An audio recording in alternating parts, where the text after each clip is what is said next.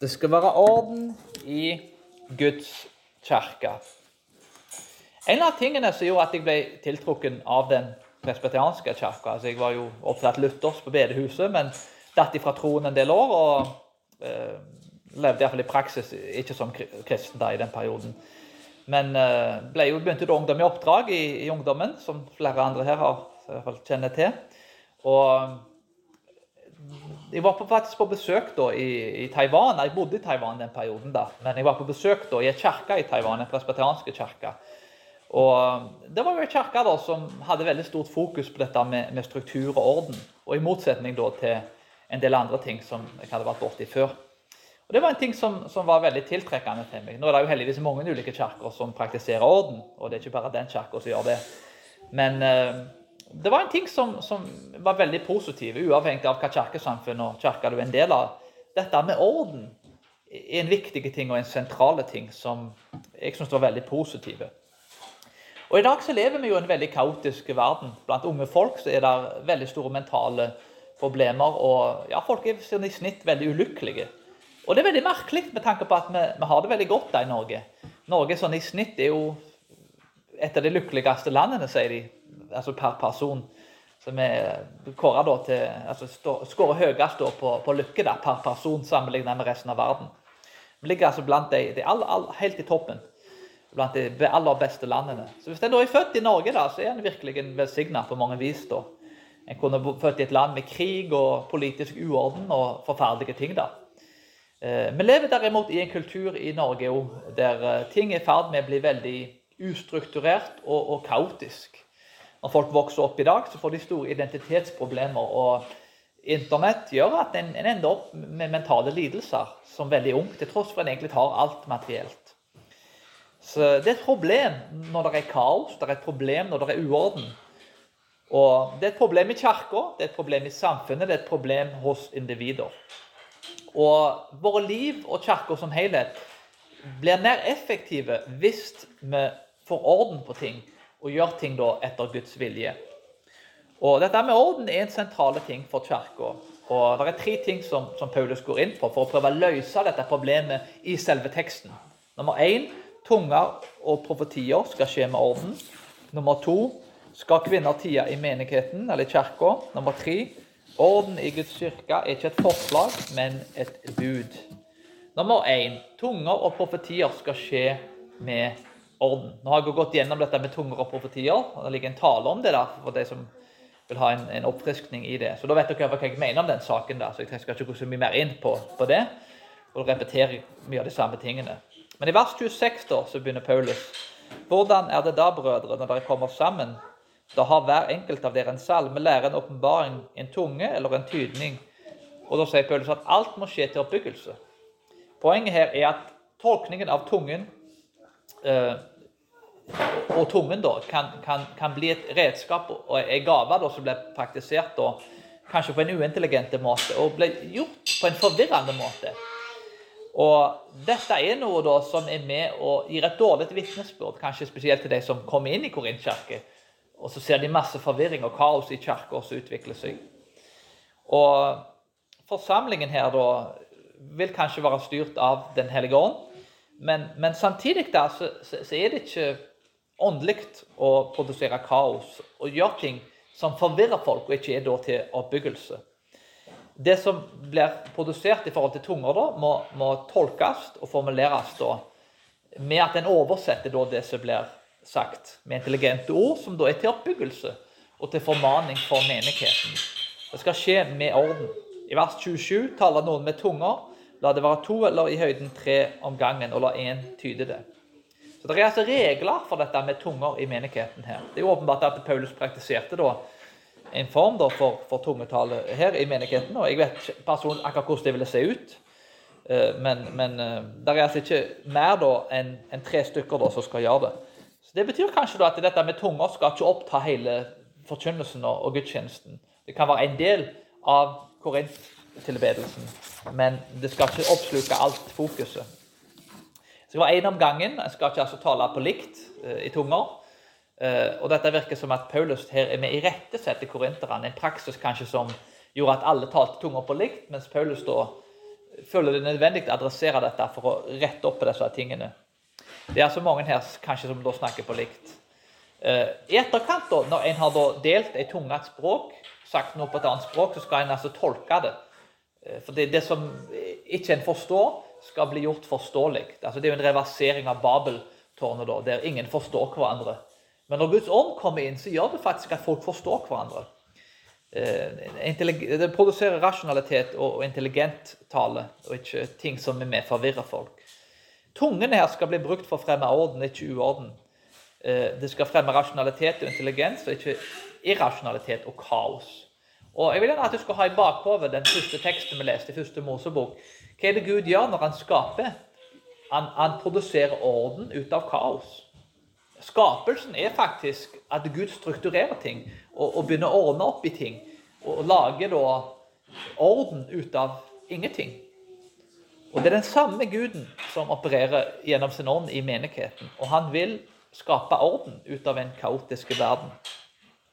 Paulus sitt poeng her er jo da at det er viktig å ha orden. Og I vers 28 så sier han da at men dersom det ikke er noen som kan tyde, da skal han tie menigheten, men tale for seg selv og for Gud.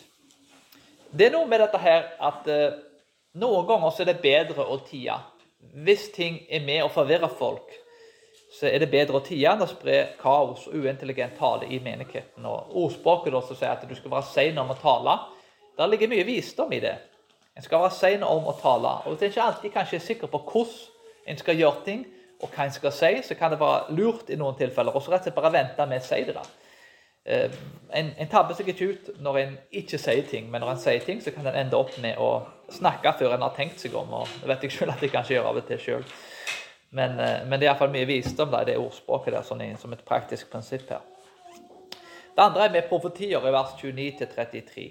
Det samme gjelder profetene. Det er ikke sånn at det bare er de som praktiserer tungetall, at de må gjøre ting med orden. Det samme gjelder profetene. To eller tre skal tale, og de skal tale da profetisk, sånn at de kan bli formant. Og Rettferdiggjørelsen finner vi i vers 23, eh, sorry, 33, i det at Gud ikke er en uordensgud, men en fredsgud. Fred er noe som forsoner og som bygger opp, og som regel noe som skaper mer orden. Når du ser fred i et land, så ser du som regel ikke krig. Du, du, du ser som regel orden. Så fred og orden er to ting som går i hop. Eh, hvis du tenker på en person for eksempel, som er veldig fredelig, så tenker du ikke at det er en kaotisk person som, som, går rundt og skaper kaos rundt seg. Det er jo en person som bringer harmoni, fred og gjenopprettelse og orden inn i ting. Poenget er orden. Alt skal skje med orden. Det virker her som at eh, med profeti og tungetale da, at det var noe som ble skjedd, praktisert på en måte der som var veldig uordentlig.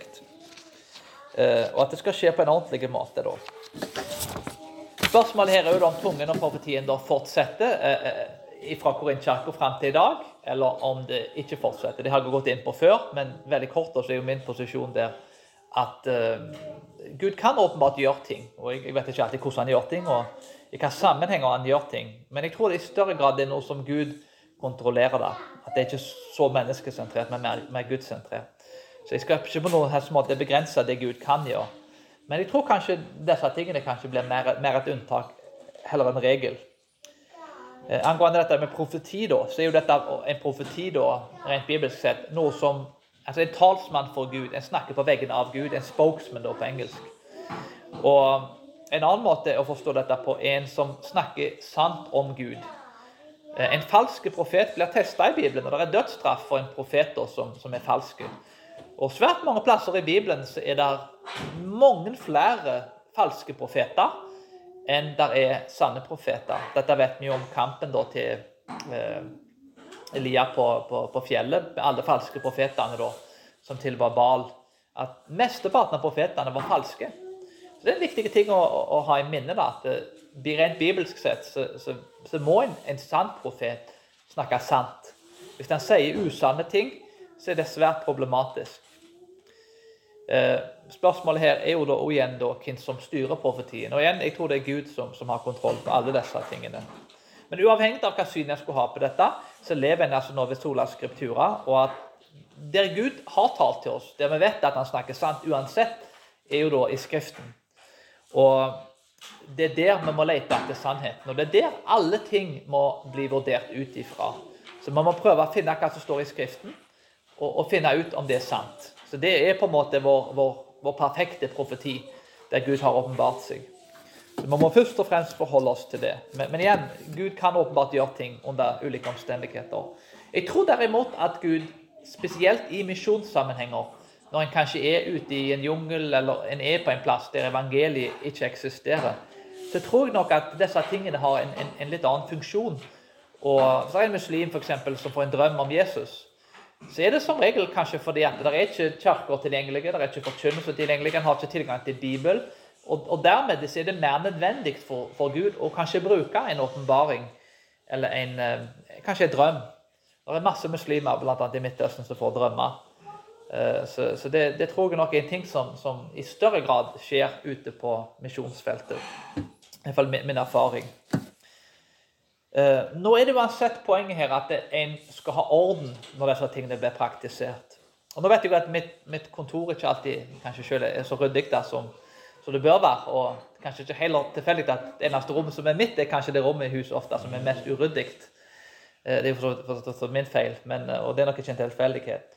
Men, men, det er stor forskjell på å ha rot hos seg sjøl. Og igjen, jeg anbefaler jo folk å re opp sin egen seng og ha orden hos seg sjøl, til tross for at jeg sjøl ikke alltid praktiserer det. Men i en offentlig sammenheng, i et kirke, i et samfunn eh, Svært få av oss bryr seg om naboen, hvordan rommet hans ser ut. Men hvis naboen eh, representerer en offentlig posisjon, kanskje han er en statsminister eller en politiker, og hvis han da har uorden i samfunnet, så påvirker jo det alle. Det er derimot svært viktig at en kirke har en viss form for orden, en viss form for struktur. Uavhengig av en ser på gavene, tunger, profetier og andre ting, så må det skje med orden. Og det er poenget til Paulus. Den hellige ånd bidrar til orden, ikke kaos og rot. Og Det står faktisk i begynnelsen at i begynnelsen skapte Gud himmelen og jorden, og Guds ånd svevde over vannet. Altså, Guds ånd tar del i å skape orden. Stjerner, himmel, planter, dyr, mennesker. Altså Her ser du struktur og en orden som blir skapt ut av kaos. Så Ånden bidrar her til, altså, han bidrar til orden. Ånden bidrar til orden, ikke uorden. Og Det er viktig å lese første Mosebok for å forstå disse tingene. Og Vi må spørre oss sjøl i praksis da, hva kan vi gjøre for at det kan bli bedre orden? Mer systemer i menigheten så vel som, som ellers. Jeg tror svært ofte at de aller fleste av oss vil si at de vil jobbe på en arbeidsplass der det, er god orden på ting. Svært få vil si at jeg vil foretrekke en arbeidsplass der ting er kaotisk og uordentlig. Sammenlignet med en arbeidsplass der det er orden på ting. Så Orden er noe som alle vil ha. Det er svært få som, som vil ha uorden. Så det er svært få gode argumenter mot dette med å, å ha orden. Så det, det, er ting som både Kirka og vi som individer må praktisere. Og Det bringer oss til det andre punktet, litt mer kontroversielt. Eh, skal kvinner tie i menigheten? Første Korinter 33 eh, til vers 33-35 i kapittel 14. Vers 34, på grunn av Gud er en ordensgud, så står det her at kvinner, sorry, kvinnene eh, tier i menighetssamlingen. For det tillates dem ikke å tale, men de skal underordne seg slik loven sier. For det tillates dem ikke å tale, men de skal underordne seg som loven sier. Så her har du altså et eksempel der Paulus åpenbart adresserer noe. Noe som skjer i menigheten. Jeg vet ikke hva det er, om jeg skal være helt ærlig. Det sier ikke Paulus. Men, men det er et eller annet som skjer i menigheten der, der det er en form for uorden. da. Ehm, jeg kommer litt, inn på dette mot slutten her. Men det er flere forslag her da, hvordan dette kan løses. Skal kvinner tie? Altså, det er jo da et bud her, ikke et forslag. Loven sier det. Det gjelder alle menigheter. Kvinner skal spørre mannen sin hjemme da, og ikke snakke i menigheten. Mens Paulus i 1. Korinterbrev 11,5 sier at kvinner kan profetere i menigheten. Så dermed da, så, eh, altså I praksis da, så, så motsier Paulus seg sjøl. Altså Kvinner da får en viktig rolle i menigheten, å profetere. Og Det er jo det Paulus vektlegger som det største nådegaven. Som det, det, aller beste er å profetere. Så hvis kvinner kan profetere, altså stå i en offentlig, kanskje her på en stol da, og profetere, uavhengig av hvordan du ser profeti. Profeti kan jo være å lese bibelske tekster. Det kan være å altså i dette sammenheng kanskje dele noe de får fra Gud. da. Og dette var jo tidligere de ikke hadde Bibelen i den altså formen som vi har den i dag. Så, så Hvordan løser en det problemet med at kvinner kan ikke snakke i menigheten, men, men de kan profetere offentlig? Uh, var Paulus rett og slett en person som ikke forsto at han, han motsa seg sjøl? Vi vet jo at Paulus var en usedvanlig skarp og intelligent kar som, som også fikk en åpenbaring av Gud. Jeg tror ikke Paulus motsa seg sjøl. Det er ulike forslag her til hvordan de løser dette problemet. Eh, det er et sitat. Paulus bare siterer noe som kulturen sier. Nummer to, det hører ikke til Skriften. Dette må fjernes fra Skriften. Det var, når jeg var på Oxford, så var det en ting de en som foreslo det, at dette var egentlig noe som måtte fjerne fra Bibelen. der, For det var litt ulikt det andre Paulus skrev, så de begynte liksom å ta i soks nesten og begynne å klippe ut det som sto. Uh, det tror ikke jeg er løsningen, bare så det er sagt. da. Jeg eh, støtter ikke Thomas Jefferson, da, som hadde en, en bibel da, der han, der han, tok ut miraklene til Jesus, denne grunnleggeren av Amerika. Uh, jeg tror nok i større grad at dette handler om, om settingen som det ble skrevet til, og vitnesbyrdet. I Romerriket da, så var det, et, det var et hierarki i Romerriket med menn øverst. og Jeg liker ikke å bruke dette ordet med, med kvinneundertrykkelse. fordi det, I dag så er det kanskje et veldig misbrukt ord, dette med undertrykkelse. Uh, men, men, dette var altså en kultur da, som ikke var Norge i 2022. Menn var øverst, menn hadde utdannelse var overhodet. Og dette i Romerriket, i den hedenske romerske kulturen, så var en rebelsk kvinne da, ble sett på som et dårlig vitnesbyrd. Dette var noe som, som, som romerne allerede, den gresk-romerske kulturen da, eh, hadde ganske vil jeg si, negative holdninger til kvinner, altså mildt sagt. da. Du kan lese filosofene. Eh, ja, Jeg skal ikke sitere alle de tingene, for det tar seg ikke ut her. men eh, Det ble altså forventa i den kulturen at kvinner da skulle underordne seg. I en sånn setting så er det da et dårlig vitnesbyrd f.eks. at en, en, man, eh, en kvinne da motsier sin mann offentlig. Eh, I Korint, en hedenske by, en hedenske kultur, så, ville da, det ville være en snublestein for vitnesbyrdet hvis kvinnene da f.eks. har et rykte på å være opprørske i, i, den kulturen. Så det er veldig kanskje merkelig å tenke på det, med tanke på at vi lever jo ikke i den kulturen nå. Men, men, men, det var den måten de så på det på. Eh, videre da så, så, ser vi at Paulus her virker da til å adressere et spesifikt problem som eksisterer i menigheten. Eh, det kan godt være at kvinnene under gudstjenestene snakket mye da. Eh, og Grunnen til at Paulus da ikke adresserer mennene her, er jo det at eh, hvis, for i vår menighet, hvis, hvis kun mennene praktiserer visse ting, kanskje en synd i menigheten som kvinnene ikke praktiserer, så, så ville ikke jeg gått til kvinnene og sagt at dere må ikke gjøre det. Jeg ville jo adressert det problemet som eksisterte. Så at Paulus ikke sier noe om det, om det motsatte, betyr ikke nødvendigvis at hvis menn hadde snakket offentlig til menigheten, så hadde han sikkert sagt noe til deg jo. Paulus har veldig mange ting å si til kvinner og til menn. Eh, men jeg, jeg syns det er veldig vanskelig å tolke dette på noen annen måte. At Paulus da adresserer et problem. Eh, gudstjenestene ble forstyrra da av eh, at folk da begynte å snakke da, mens du underviste, f.eks. Jeg var i Jordan i Midtøsten. og underviste engelsk der. Da. Og det var ikke uvanlig at muslimene mens jeg holdt på midt i, i timen min underviste, at de ble hele veien altså forstyrra. Folk begynte å snakke over meg i timen. Og i norsk sammenheng så hadde det vært en uh, Og ikke jeg lærer, da, men uh, jeg, jeg, jeg, tror nok at det hadde vært sett på som veldig negativt. i hvert fall. Hvis det, dette var voksne folk, forresten. Det var ikke unger. Det var voksne folk da, som hele veien snakket over en. og en helt annen type kultur. da, og Ikke uvanlig heller at kvinnene da, i, i, den klassen da, kom og fortalte meg at de tok feil, eh, og utfordra autoriteten min som, som, lærer. da. Så Jeg vet ikke om det var en kulturell ting, eller om det var noe de gjorde bare for at jeg var eller, jeg vet ikke, Men, men, men det er jo åpenbart da at en, en, en varm Midtøsten-kultur Ting ville nok fungere veldig annerledes enn en, en, en norsk kultur. Der forventer en at en er stille da i kirka under gudstjenesten. Så Jeg tror det kan være noe sånt at Paulus da adressere et problem her. At ikke snakk under gudstjenesten, f.eks. Når, når pastoren forkynner. Eh, jeg kan ikke si det med sikkerhet, da, med tanke på at jeg, jeg vet jo ikke 100 om det var det. Men dette budet her er jo umulig å følge. da. Alle som jeg kjenner, har brutt det budet, hvis, hvis, vi skal ta det da, akkurat sånn som det står. Så, og Derimot sier jo Paulus at de kan profetere offentlig. Og I dag da, så blir jo dagens kultur blir veldig annerledes. I dag er kvinner i snitt bedre utdannet enn menn. Har faktisk i snitt høyere utdannelse enn menn. Og dagens kultur er faktisk i ferd med å bli en, en kultur som ja, sånn I snitt da, så vil høyere utdannelse i mye større grad bli dominert av kvinner. Det, det er bare en realitet, det er ikke en, en beskrivelse om, om, hvordan ting bør eller ikke bør være. Men, men, det er noe som vi må forholde oss til. Uh, så det er jo en helt annen sammenheng. Og i dag så er det jo veldig motsatt. For i dag er det jo sånn at uh, dette med underordning ble jo veldig nedsatt.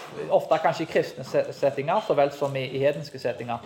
Det var en debatt i norsk sammenheng nå nylig av ei som heter Sofie Brauta. Der hun da gikk ut og sa da at hun levde da med dette prinsippet med underordning. da. Og det, Hun fikk jo veldig mye kritikk faktisk for det. Så I den romerske kulturen så var underordning noe fantastisk.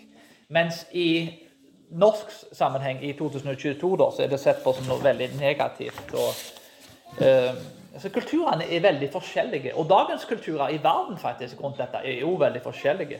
Det er noen kulturer som er veldig annerledes enn den norske kulturen her. Men bare for veldig kort svar her, da, så, vil jeg bare si at eh, jeg mener jo da at kvinner kan tale i menigheten. og jeg tror som sagt at eh, det er ikke et problem som eksisterer i, i, i vår kultur på samme måte som det var der. Og Paulus måtte altså adressere dette med kvinner, for de hadde det problemet. Mens mannfolk hadde andre problemer som Paulus adresserer. Så Paulus irettesetter mannfolk og kvinner med ulike ting som, som, var problem i den kulturen. Og Jeg prøver ikke å hoppe over teksten her og gå forbi teksten, på noen slags måte. men i lys av at Paulus sier at kvinner kan profetere, så, så, betyr det åpenbart at kvinner kan tale i menigheten. For du kan ikke profetere uten å snakke. Dermed da, så er det den løsningen som jeg ser på den, som den beste. Uh, en annen ting rundt å tolke disse tingene Jeg skal ikke hoppe for mye ut av det jeg skal si her, men det kan være litt nyttig å tenke igjennom litt når vi tolker Bibelen. Og dette kan være en viktig påminnelse om bibeltolkning. Vi kan aldri isolere en tekst og ikke tolke de andre tekstene. Det står summen av Guds ord er sannhet. Motstridende tekster gjør ikke at vi bør miste troen på Gud, at han motsier seg sjøl. Men at det er utfyllende, og at en faktisk får en rikere forståelse av Bibelen når ting kan virke til å være mot, mot, motsiende. Eh, det er mange eksempler som jeg kunne brukt, men ja, altså bud om ikke drepe ja, Ikke morde, er det vel teknisk sett. er jo et bud som, som, som, som, vi er vel alle enige i at en har lov til å forsvare seg selv og drepe noen hvis noen prøver å drepe familien ens. Eller i krig. Noen ganger så blir en sendt ut i krig. Norske folk ble jo sendt ut i andre verdenskrig for å forsvare landet. Og jeg tror de aller fleste vil si at uh, du bryter ikke det budet om å drepe hvis du forsvarer landet ditt og går ut i krig, da, fordi at det er plikt som, som, som er påbudt. Så det er åpenbart at det er ikke selvmotsigende, disse tingene. Eh, jeg tror i de aller fleste sammenhengene så går det fint an å forstå at det å drepe er et bud som er gjeldende, men samtidig også vil det alltid være visse unntak. En annen ting er at eh, bør tenke igjennom bibeltolkning. og Dette med en statisk bibellesning i forhold til denne teksten blir vel egentlig nesten umulig. Så en, en, må se altså ting i lys av andre tekster og la det tydelige tolke det utydelige. Og ja, det, Med kvinner som tier menigheten, og, eller f.eks. slaveriet, er jo en annen ting. Hvis en da ikke leser dette i lys av andre tekster, så kan en da si at slaveri er noe som Gud godkjenner. Og det tror jeg det ikke noen av oss mener. Bibelske prinsipper er tidløse, men meningen bak prinsippet må òg vises fram. Og kulturen er ikke det som er med å begrense hva Bibelen sier, men kulturen kan hjelpe oss å forstå hva Paulus mente, og måten en kan anvende det prinsippet på. Det vil eh, være veldig annerledes. Til og med det ti bud ære sine foreldre det vil se annerledes ut i ulike kulturer. og jeg vil si at De kulturene som praktiserer det ulikt, vil likevel være trofaste mot budet. På grunn av at uh, det, vil aldri se likt ut. da. Det, vet jeg, for jeg har bodd i mange ulike kulturer. Uh, dermed må en ta samme tolkningsprinsipp og anvende dem til vanskelige tekster. og Så finner en fort ut om, om tolkningene er konsekvente. Og En annen ting er det at hvis noen kommer til en annen konklusjon enn en sjøl, så, så, betyr ikke det nødvendigvis at de, at de skal brennes på bålet men jeg kan bli kjettere. Det betyr kanskje mer det at for noen er noen ting viktigere enn det for andre. Ehm, det kan, det kan være mange ting, men, men Bibelen vektlegger f.eks. Ja, så kan personlig ansvar eller hjelpe den fattige. Noen vektlegger dette med personlig ansvar veldig sterkt, at uh, folk må ordne opp i ting sjøl, mens andre sier nei, vi må, vi må hjelpe dem.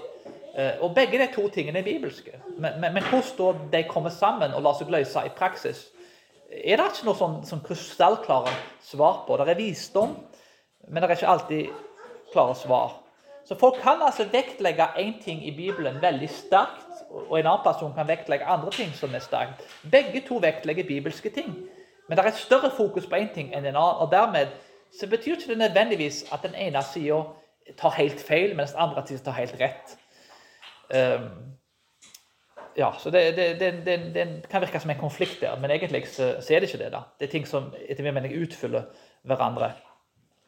Så en bør ha ydmykhet og eh, kanskje ikke være skråsikker, men, men eh, være da tolerant overfor hverandre. da, Og heller forstå hvor den andre personen kommer fra når han tolker ting. Og Dette er noe som da må produsere enhet. Folk tolker de samme tekstene ulikt, og det er noe som vi må respektere. Og Jeg tror det er viktig for Paulus i Korinterbrevet, i mange plasser i Korinterbrevet. Dette med enhet er en veldig sentral ting. Så en, en, må la det uenighet lede til større enhet i plassen for uenighet. Jeg kan bli berika av andre sine tolkninger, til tross for en ikke kanskje alltid er enige. Eh, men i dette tilfellet da, så, så tror jeg altså oppriktig ikke at uh, kvinner da skal ikke snakke i, altså under hele gudstjenesten. Altså, Kanskje ikke under selve talen, da, men, men i etterkant. Så håper at dere som er kvinner her, eh, når vi spiser det, at dere kommer til å snakke etter, etter gudstjenesten. og Det bringer oss til det tredje punktet. Det skal være orden i Guds kirke, og det er ikke et forslag, men det er et bud. 36-40. Ordet gikk ut ifra deg. Paulus virket til å skille mellom hans bud og Herrens bud. Paulus ber sine brødre om å tale profetisk og ikke hindre noen i å tale i tunger. Men alt dette skal skje på en sømmelig måte. Paulus virker til å skille mellom profetien og det han skriver, og Guds ufeilbarlige ord i brevet. En profeti må prøves, men Skriften er innblåst av Gud. Og igjen alt som Gud gjør, må skape orden og ikke mer forvirring. Eh, det gjelder også hva en taler. da. Hvis, jeg taler og noen er mer forvirra av det jeg sier, enn er blitt opplyst, så har kanskje ikke jeg gjort den jobben min da, med å skape orden og forståelse. Uh, igjen, Det er ikke alltid alt en forstår med en gang, men, men forhåpentligvis vil det lede til, til, større forståelse. For det dere som kanskje har vært på, på YouTube, så har dere sett en video av Benny Hinn, som sikkert er en, en forkynner som kanskje flere kjenner til. Hvis du ikke vet hvem han er, så er det et kompliment til deg, der vil jeg si. Men, men, eh, men eh, altså, han, han, han, representerer, et, etter min mening jeg, jeg, vil ikke fordømme folk på noe slags vis, men, men, han representerer etter min mening i hvert fall en, en uh, Han representerer ikke alle folkene som, stå, som, gjør de samme tingene. Men uh, når, du, når, du, har hotellrom som er 100 000 norske kroner per dag, per natt, på et hotell, og bruker forsamlingen sine penger på den måten, der, så, så, vil jeg si at da, har det, etter min standard i hvert fall, har du trådt over en strek. Det er heldigvis folk da, som ikke lever sånn, som, som, gjør en del av de samme tingene. Jeg greier ikke alle under én kam. Han blir et ytterpunkt. og igjen, Han representerer ikke alle. Det er masse flotte folk som Men uh, uansett, da, det er en, en, video på YouTube da, som heter 'When the Body Hit the Floor'. Uh, sånn heavy metal-sang. der, at dere har hørt den da. Den er veldig morsom. Da. Det er ikke for å gjøre narr av ham på noe selvs vis. Den videoen gjør jo kanskje det til en viss grad. Men, men det er jo da at når, når, når kroppen uh, altså, slår i gulvet, da og du ser jo i stor grad da at eh, når du kommer inn i hans forsamling, så er det jo da Altså, altså det er kaos. Altså, han vifter med, med, med dressjakka si, og folk blir slått i gulvet. Han, han nærmest slår folk og, og spenner folk og løfter, løfter fingrene så detter forsamlingen. Og når du kommer inn der, så du kan nesten få et inntrykk nesten av at det er et galehus. da. At det, her er, altså, det er ikke orden da. Og Jeg klarer personlig ikke å se ut ifra Bibelen at dette er av Gud. Eh, det er et eksempel som jeg vet der en person går flere meter tilbake. bars. og Det er faktisk når han er demonbesatt. En, en mann som ble frigjort fra en demon. da. Eh, så Det er det eneste eksempelet faktisk jeg vet når folk har den typen bevegelser i Bibelen. Så, så Jeg vet liksom at ikke hva ånd som er med han, men, men, jeg har veldig vanskelig for å tro i hvert fall at, at dette er et verk da, av Guds ånd, når det skaper forvirring og ikke fornuft, orden og, og, og rasjonalitet og forståelse. Jeg sier ikke at ikke han gjør gode ting, for det gjør han helt sikkert. Han sier sikkert rette ting og gode ting, da. Men, men, men eh, jeg må si at han er et eksempel da, på hvordan uorden kan bli praktisert i en menighet. Det er svært få gode argumenter her mot uorden. Og hvordan kan en praktisere orden, blir et viktig spørsmål. Og Et eksempel og et forslag da her er, er en bok da, som vektlegger et prinsipp. At de sier 'sett enden først'. Lag deg et endemål. Hva er målet for kirka? Hvor vil du være om fem år? liksom, den type ting. Jobb mot det målet, lag en plan. Og det gjelder med livet ditt òg. Hvis du flyter rundt og ikke vet hvor du går, så vil du sannsynligvis ende opp på en helt tilfeldig plass. Men, men, hvis du planlegger og lager en visjon at det her vil jeg være om ti år, og jobber deg mot det målet, så er det en stor sjanse for at du vil ende opp der, hvis selvsagt målene er realistiske. Og Det er viktige ting å gjøre som individer og som kirke. Sett enden først. Sett endemålet ditt først. Hva vil du oppnå med livet ditt? Hva, hva vil du gjøre? Og, og, ikke bare tro at ting vil bare komme servert til deg. Jobb mot de tingene sjøl. Og Det er en måte her at en kan praktisere dette med orden på. Da blir alt en gjør, alle prinsippene en bygger rundt det, blir retta mot et mål. Og Da må en ha struktur for å oppnå det målet. Det er et nytt år, nye muligheter, og det kan bli et år med veldig mye orden og struktur. Så det er et veldig nyttig eh, praktisk prinsipp i hvert fall, som jeg sjøl har fått stort utbytte av. Det er viktig å huske på at det var ikke orden, men det var synd og uorden som gjorde at synden først kom inn i verden. Adam og Eva spiste frukten, og synden og uorden kom inn i verden for godt. Men til tross for at eh, synd skapte uorden, så har Gud gjenoppretta ordenen. Ikke bare i skapelsen, men òg i den nye skapelsen i livene våre, så vel som nye skapelser som kommer senere. Han gjenoppretta og skapte et ordentlig forhold med Gud.